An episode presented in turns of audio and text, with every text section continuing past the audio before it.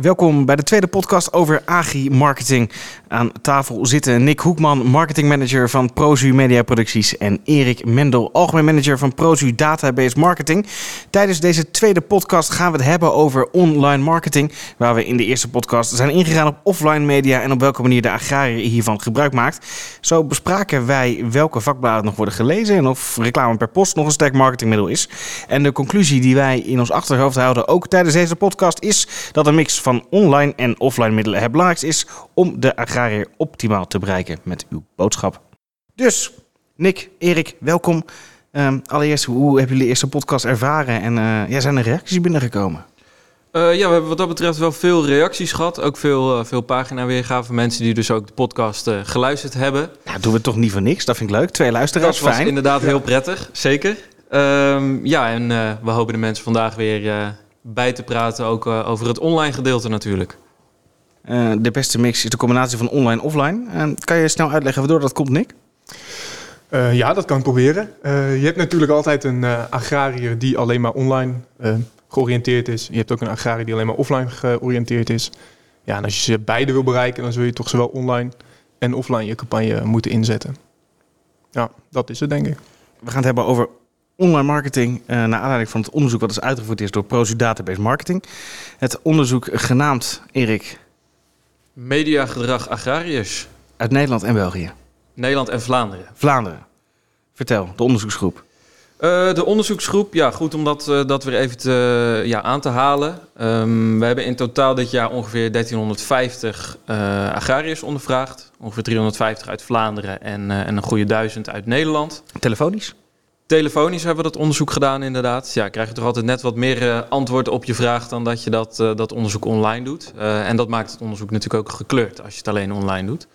Dus vandaar dat we ervoor hebben gekozen om dat, dat per telefoon te doen. Um, ja, de doelgroepen die we hebben ondervraagd. Voor het eerst dit jaar hebben we ook een groep opvolgers ondervraagd om te kijken of die zich nou ja, heel anders gedragen dan degene die nu aan het hoofd van het bedrijf staan.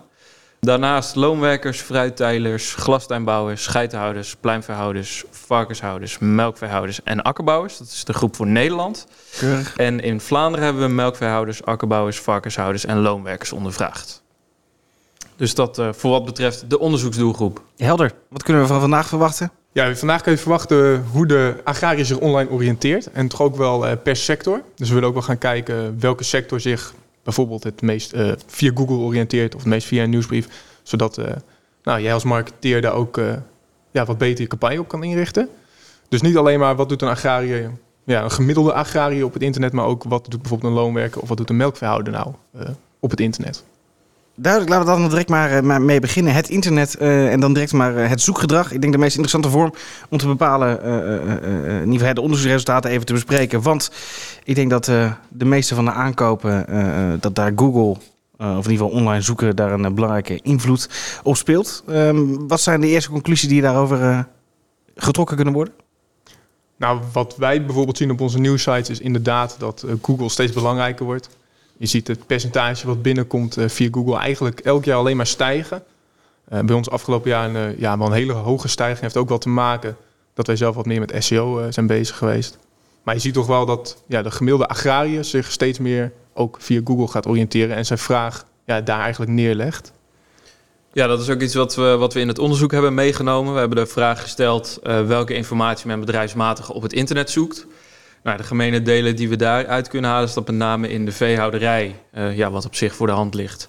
Diervoeding en gezondheid, uh, ja, het belangrijkste onderwerp is waar men, uh, men informatie naar zoekt. met mechanisatie op een tweede plaats. En als je bijvoorbeeld kijkt naar akkerbouwers en loonwerkers, zie je daar dat mechanisatie daar het belangrijkste is. Um, gevolgd door bijvoorbeeld gewasbescherming en zaaigoed.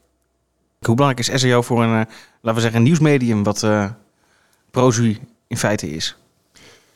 Ja, als je naar onze, naar onze nieuwsites kijkt, is het voor ons echt heel belangrijk. We hebben er uh, ja, de afgelopen jaren natuurlijk aandacht aan besteed, maar in mindere mate. Uh, nou, je ziet als jij een jaar de volle bak aandacht aan gaat besteden, dat dat echt helpt. Ik denk dat onze uh, SEO, of dankzij de SEO die we nu verbeterd hebben, dat de traffic zo'n beetje verdubbeld is vanuit Google. Dat wil zeggen, eerst kwam ongeveer 15% van ons verkeer vanuit Google. Nou, dat ligt nu echt al nou, tegen de 30% aan. En dan zie je ook nog wel verschillen per sector.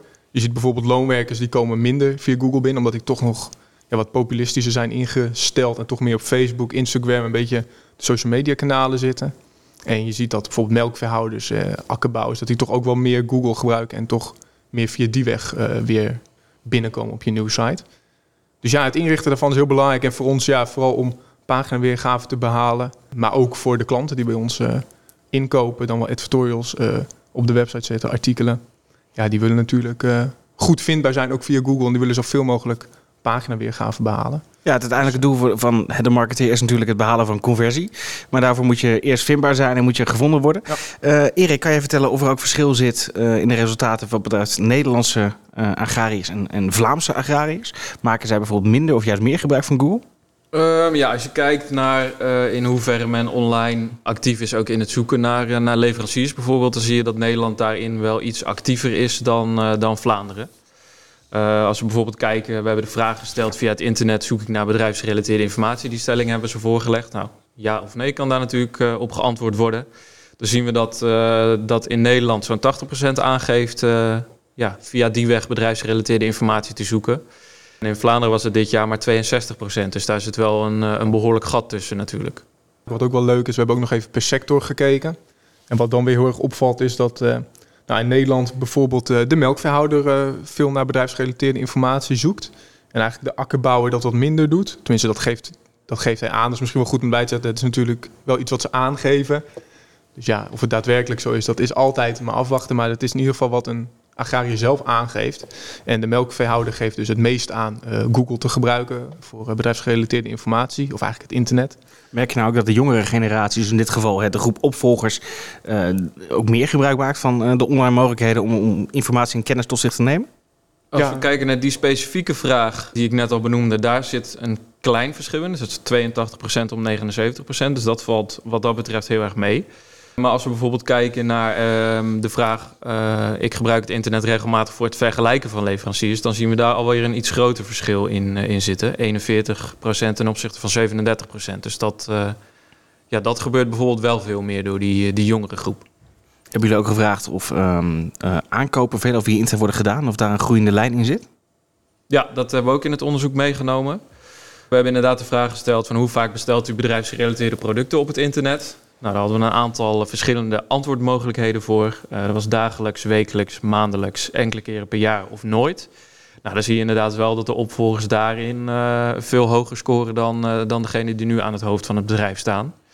Um, en per leeftijdscategorie zaten daar ook nog wel, wel vrij grote verschillen in. Um, ja, op zich niet heel verrassend. Hoe ouder men wordt, hoe minder vaak men iets online bestelt. Ja, dan uh, natuurlijk heel belangrijk om, goed vindbaar te zijn op het internet. Daar begonnen we net al mee. Uh, om, om daarvoor te zorgen is, is denk ik naast bekendheid, branding en imago ook zeker minstens zo belangrijk. Nick, kan jij vertellen als je eindverantwoordelijke van de agrarische sites bij Prozu... hoe agrarische ondernemingen of in ieder geval leveranciers kunnen meeliften op het succes van die, van die sites? Ja, natuurlijk. Nee, je ziet heel veel partijen die hebben tegenwoordig hun marketing steeds beter op orde, zullen we maar zeggen.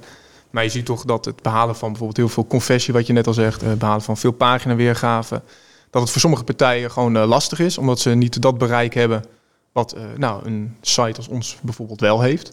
Je hebt gewoon natuurlijk een vast aantal paginaweergaven per maand. En wat je al zegt, daar kan een klant op meeliften.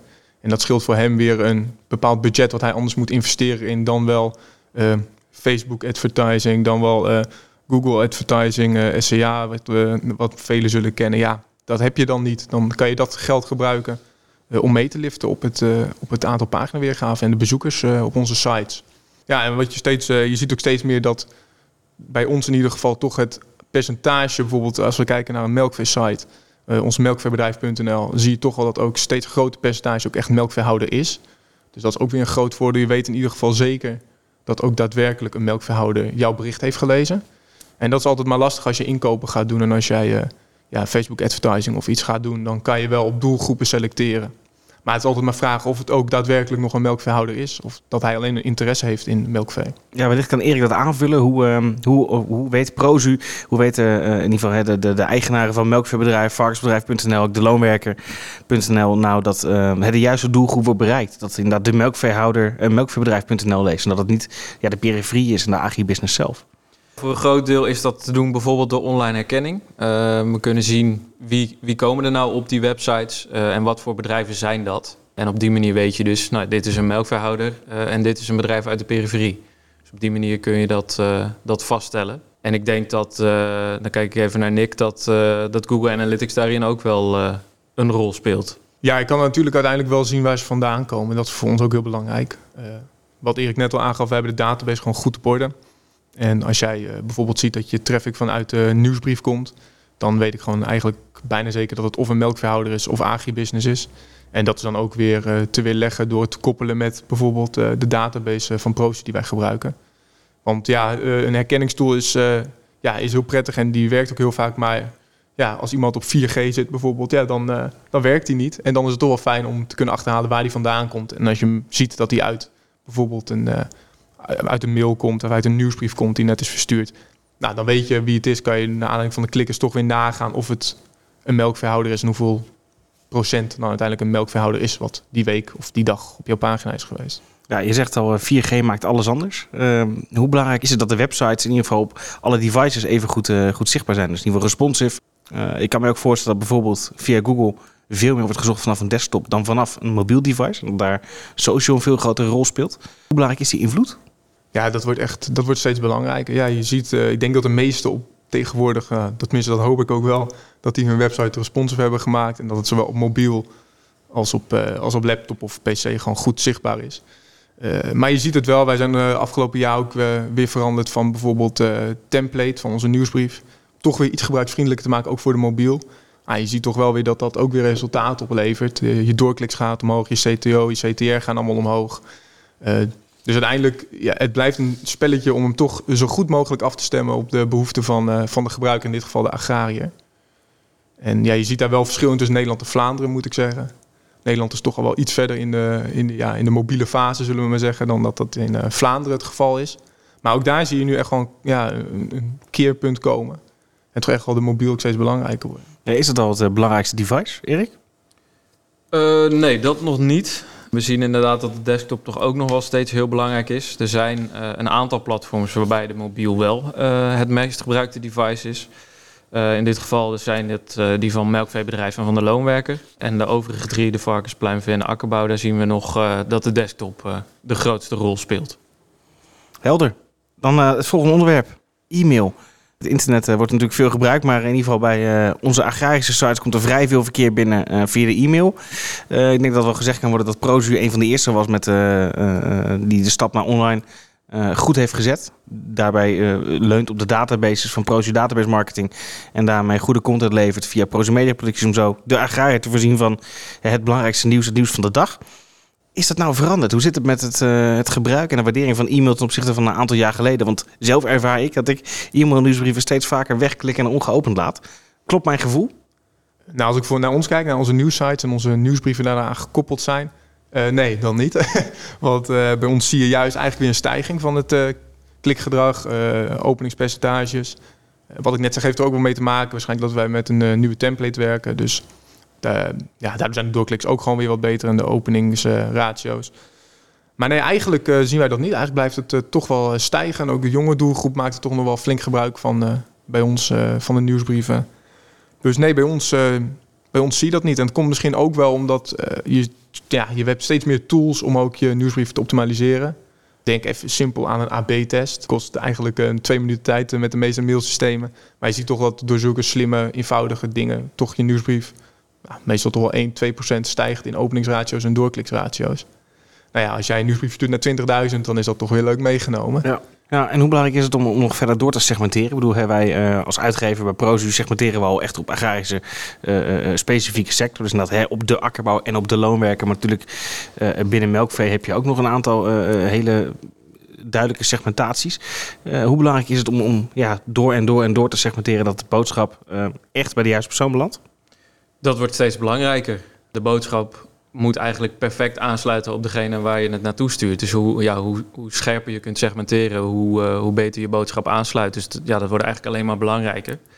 En om nog even op het vorige punt in te haken. Uh, ook in het onderzoek zien we terug dat uh, men aangeeft dat nieuwsbrieven eigenlijk steeds beter gelezen worden.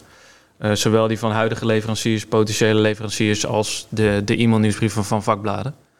Ja, dus dat geeft uh, aan dat jouw gevoel wat dat betreft dan uh, niet helemaal juist was. En is het ook zo dat dan steeds meer um, ja, specifieke nieuwsbrieven worden gelezen? Of zit daar eigenlijk geen verschil in? Ja, dat, uh, dat, dat zie je wel. Ja, je ziet inderdaad als we kijken naar het aantal nieuwsbrieven dat men benoemt, dus die ze kennen, die ze lezen, dan zie je dat voorheen was een sectorspecifieke nieuwsbrief werd 0,49 keer genoemd per agrariër. Nou, dat zit nu op 0,83, dus dat is bijna een verdubbeling. En de sector overstijgende nieuwsbrieven die zitten, ja, vorig jaar zaten ze op 0,8 en dat zit nu op 0,85, 0,86. Dus dat is ongeveer wel uh, gelijk gebleven. Dus je ziet voornamelijk dat sectorspecifieke nieuwsbrieven toch weer terrein winnen. En dat komt ook wel door wat je net zegt, nog even op inhaken op die uh, segmentatie. Ja, ik denk dat elke marketeer die dit nu luistert toch ook wel doorheeft dat segmenteren alleen maar belangrijker wordt. Dan wel om je conversie te verhogen, maar ook wel om toch naar bovenaf ja, een, een soort verantwoording te kunnen afleggen dat jouw uh, kost per kliks bijvoorbeeld lager worden. En dat is iets waar, tenminste wat ik zelf ook merk als marketeer, daar worden steeds meer marketeers op afgerekend. Uh, om je, ja, je, je conversie, uh, je, je kosten per conversie zo laag mogelijk te houden. Nou, als jij gaat segmenteren, dan is die kans inderdaad aanwezig dat dat positief uitpakt. Dat dat ja, de kosten per conversie gaat verlagen. Ja, dus we kunnen eigenlijk wel stellen dat het met de openingsratio's in ieder geval wel goed gesteld is. Ja. Um, hoe zit het met de doorklikratio's? Wordt er, wordt er vaak uh, doorgeklikt op websites, uh, of vanuit de nieuwsbrieven naar websites wanneer die geopend zijn? Ja, dat, uh, gebeurt, ja, dat gebeurt bij ons vrij veel. Als ik kijk naar onze, naar onze nieuwsbrieven, onze... Ja, het is natuurlijk wel echt een nieuwsbrief, dus er staat veel nieuws in. Dus is ook gewoon relevant voor de agrariër. Maar nee, daar komt heel veel traffic uit. Ik denk dat zo'n beetje... Ja, het, altijd, ligt een beetje per sector verschilt het nog wel. Maar ik denk dat toch wel een derde, een, ja, een derde toch wel vanuit de nieuwsbrief komt, wat op onze website zit. Dus voor ons, ja, wat we net al zei, Google uh, komt een derde vandaan. Uh, de nieuwsbrieven een derde en dan de andere een derde zullen we het straks nog over hebben. Maar dat is dan denk ik uh, meer social media. Dus dat is wel een beetje de verdeling. Ja, Erik, jullie hebben ook nog onderzoek gedaan naar nieuwsbrieven van potentiële leveranciers. Hoe, wat is daar de stand van zaken? Ja, de vraag die we daar hebben gesteld is: uh, bezoekt u wel eens de website van een potentiële leverancier nadat u een e-mailing van dit bedrijf heeft gezien? Nou, wat we daar zien is dat twee derde uh, van de ondervragen aangeeft dat vaak of soms te doen. Dus dat geeft ook wel aan dat dat zeker voor hen ook een belangrijke manier is om uh, ja, op een website van een potentiële leverancier te komen. En dat het dus ook zeker loont om, om hen via die weg te benaderen. Wat nog wel leuk is om daar misschien op, uh, even op in te haken, dat is dat je dan in Nederland, wat we net al zeggen, dat uh, nou, toch heel veel mensen nog een website bezoeken nadat ze dus een mail hebben gehad van een potentiële leverancier. Nou, als je nagaat dat in Nederland uh, ja, eigenlijk slechts 34% aangeeft dat niet te doen, dus twee derde geeft aan dat wel te doen. Nou, als je naar 10.000 agrariërs een nieuwsbrief zou versturen, dan heb jij dus de kans dat 6600 nog doorklikken naar je website, om eventjes in aantallen te spreken. Ja, vrij veel. Ja, dat vind ik ook eigenlijk vrij veel, ja. Dus op die manier zie je toch dat het nog echt wel nut heeft. En dat je boodschap en daarmee ook je conversie toch op die manier wel behaald kan worden. Graag neem ik jullie dan mee naar de laatste pijler van het internet. Na het zoekgedrag en e-mail uh, is denk ik ook social media een van de belangrijkste pijlers uh, die er is. Um, wat zijn de, de, belangrijkste ontwikkelingen die we zien in, uh, naar aanleiding van onderzoeken die zijn uitgevoerd? Erik. We hebben inderdaad ook een kaart gebracht van welke social media platforms maakt men nou eigenlijk gebruik. Er zijn eigenlijk twee die er wat dat betreft met, uh, met kop en schouders bovenuit steken. Facebook op één? Nee. Oh. YouTube wordt het meest uh, gebruikt. Trekkerfilmpjes. Heerlijk. Waarschijnlijk. Juist. Ja. En daarnaast ook bijvoorbeeld veel productvideo's uh, waarin wordt uitgelegd van hoe gebruik je ons product en uh, wat voor voordelen heeft dat nou. Mm -hmm. Dus dat zijn inderdaad zaken die daar veel op bekeken worden. Wordt door 66% uh, genoemd als een kanaal dat ze gebruiken. Facebook wel op een, een goede tweede plaats met, met bijna 40%. Ja, en alle andere kanalen zitten daar toch wel duidelijk onder. Die, die zitten allemaal zo rond de, ja, de 10 procent. Dus Dan moet ik denken aan een gat tussen. Ja, Instagram, Snapchat. Twitter wordt, zit daar nog tussen. Twitter uh, goed om nog wel even te noemen. Als we naar Instagram kijken, zien we dat die inderdaad dit jaar op 10% zit. Maar ten opzichte van vorig jaar is dat wel een verdubbeling. Toen zaten we op 5%. Dus okay. dat is nog wel een van de weinige kanalen die ook stijgende is. De verwachting is wel dat dat volgend jaar uh, ja, toch ook wel een belangrijke kanaal gaat worden. Zit er ook groot verschil uh, tussen Nederland en Vlaanderen? Ik denk het wel. Vlaanderen toch vrij conservatief over het algemeen? Nee, dat viel wat dat betreft op zich mee. Ook daar uh, YouTube en Facebook uh, op eenzame hoogte, om het zo maar te zeggen. En de rest zat daar inderdaad ook onder de 10%. Dus dat, dat komt wat dat betreft wel redelijk overeen. Als we kijken naar de opvolgers, zien we daar nog wel behoorlijke verschillen. Niet geheel verrassend is men gewoon wat actiever op social media dan, dan degene die nu aan, aan het hoofd van een bedrijf staan. Dan zien we bijvoorbeeld dat, uh, dat YouTube 71%, Facebook 68%, Instagram wordt ook door een kwart gebruikt. En LinkedIn was daar ook veel belangrijker. Dat vond ik op zich ook nog wel opvallend. Die wordt door 19% genoemd. Dus vrij veel opvolgers maken gebruik van LinkedIn, dus ook van de zakelijke mogelijkheden die social media biedt. Nick, als marketingmanager kan je aangeven hoe belangrijk het is dat social media, of dat een goed social media plan wordt ingezet uh, ja, in ieder geval voor paginaweergave. Ja, dat uh, kan ik wel proberen in ieder geval. Nee, uh, wat heel belangrijk is natuurlijk wat je al zegt, social media is gewoon belangrijk. je hebt heel veel advertising mogelijkheden tegenwoordig, zowel via Facebook als via LinkedIn als via Instagram. Um, dus ja, behaal jij of heb jij nog niet de aantal volgers die je wil hebben, dan kan je ook heel makkelijk door middel van betaalde campagnes nou, wel je aantal paginaweergaven of in ieder geval je conversies behalen. Nou, moet wel bij zeggen, LinkedIn is, nou, als je relatief kijkt, wat duurder dan een Facebook en een Instagram. Nou is, Inst of nou is LinkedIn bijvoorbeeld wel weer beter in te richten op basis van echt een, uh, ja, echt een duidelijk segment wat je hebt. Dus je conversies hoeven niet per definitie uh, ja, meer te kosten dan je dan bij Facebook en Instagram uh, kost.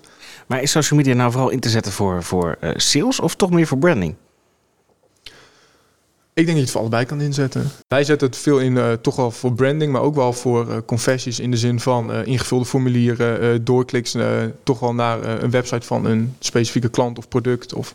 En je ziet eigenlijk dat het voor allebei wel, wel in te richten is. Wat bij ons wel heel erg opvalt, is als ik bijvoorbeeld naar Facebook kijk, je kan op basis van interesses kan jij een campagne inkopen. Maar wat je ook kan doen, is op basis van een Facebook pixel je campagne inrichten. Nou, Facebook. Wat is dat? Ja, dat is even heel simpel uitgelegd. Een code die je achter je website zet. Die code krijg je van, uh, vanuit Facebook. Uh, die code die traceert eigenlijk wie er op jouw website komt. En degene die op jouw website is geweest, krijgt bijvoorbeeld op Facebook of op Instagram een advertentie te zien. Uh, dit, naar aanleiding van het websitebezoek? Naar aanleiding van het websitebezoek. Ja, dit kan, nou in dit geval ik of een marketeer kan dat inregelen.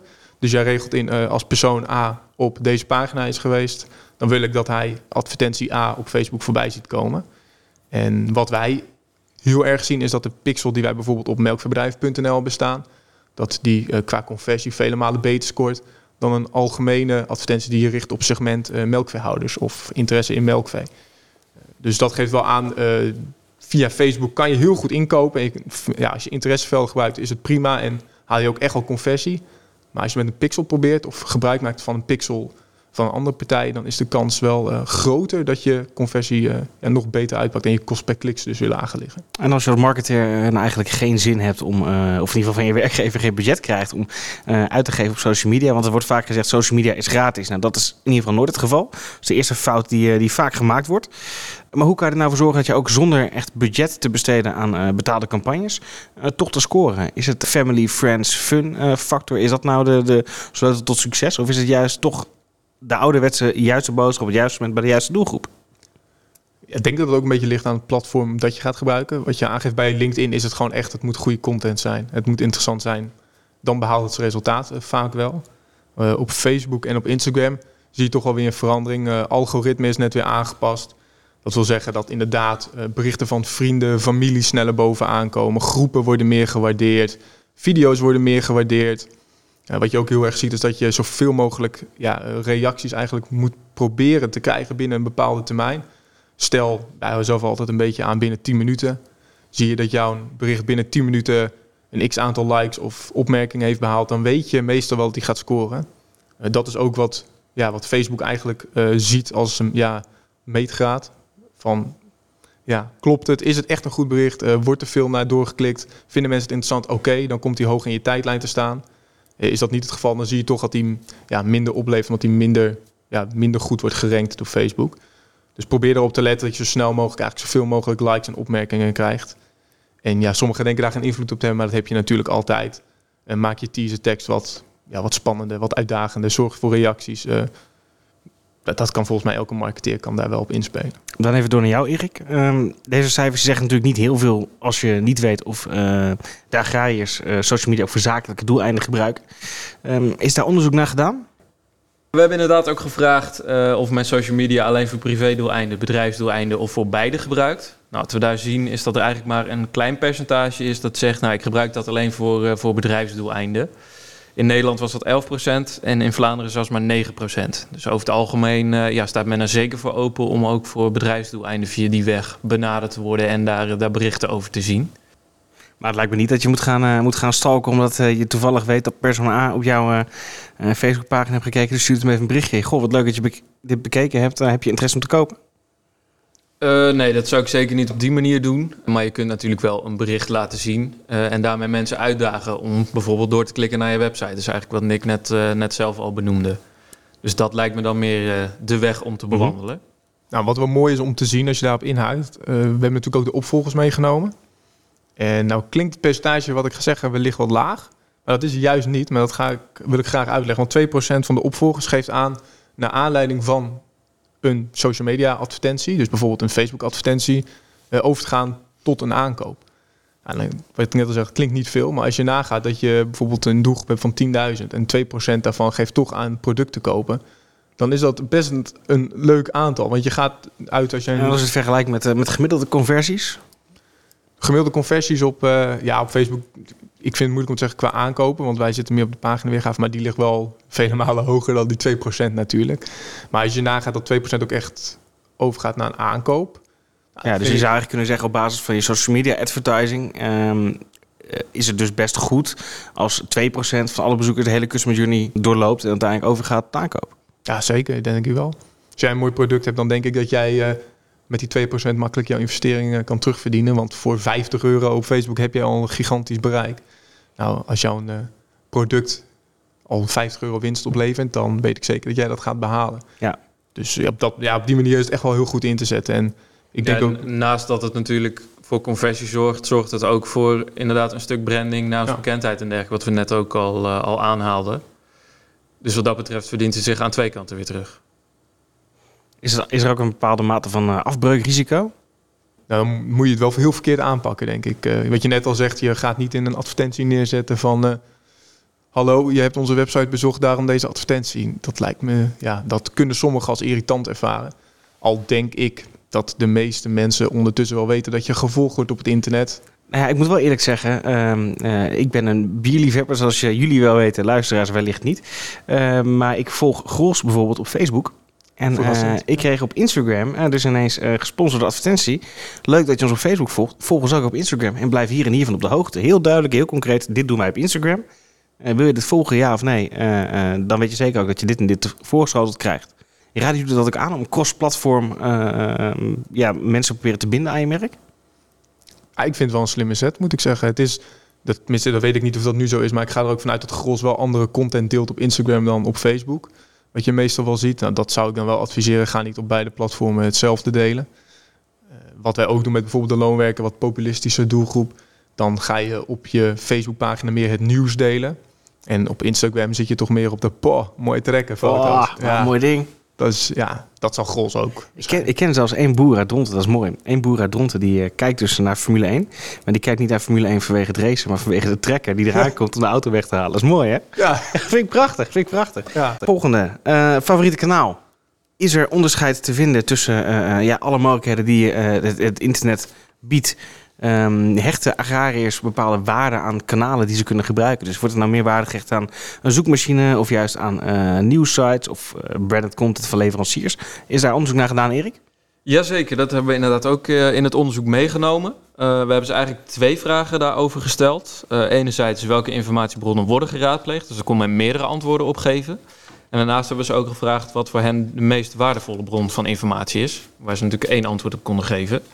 Nou, wat we daarin terugzien uh, is dat de zoekmachine eigenlijk ja, verreweg het belangrijkste is. 76% noemt hem als een bron die wordt geraadpleegd. Uh, en voor 42% is het ook de meest waardevolle bron van informatie. Uh, de vakbladen zien we op een, een, tweede plaats. 29% noemt dat als iets wat ze raadplegen. En voor 16% is dat ook de meest waardevolle.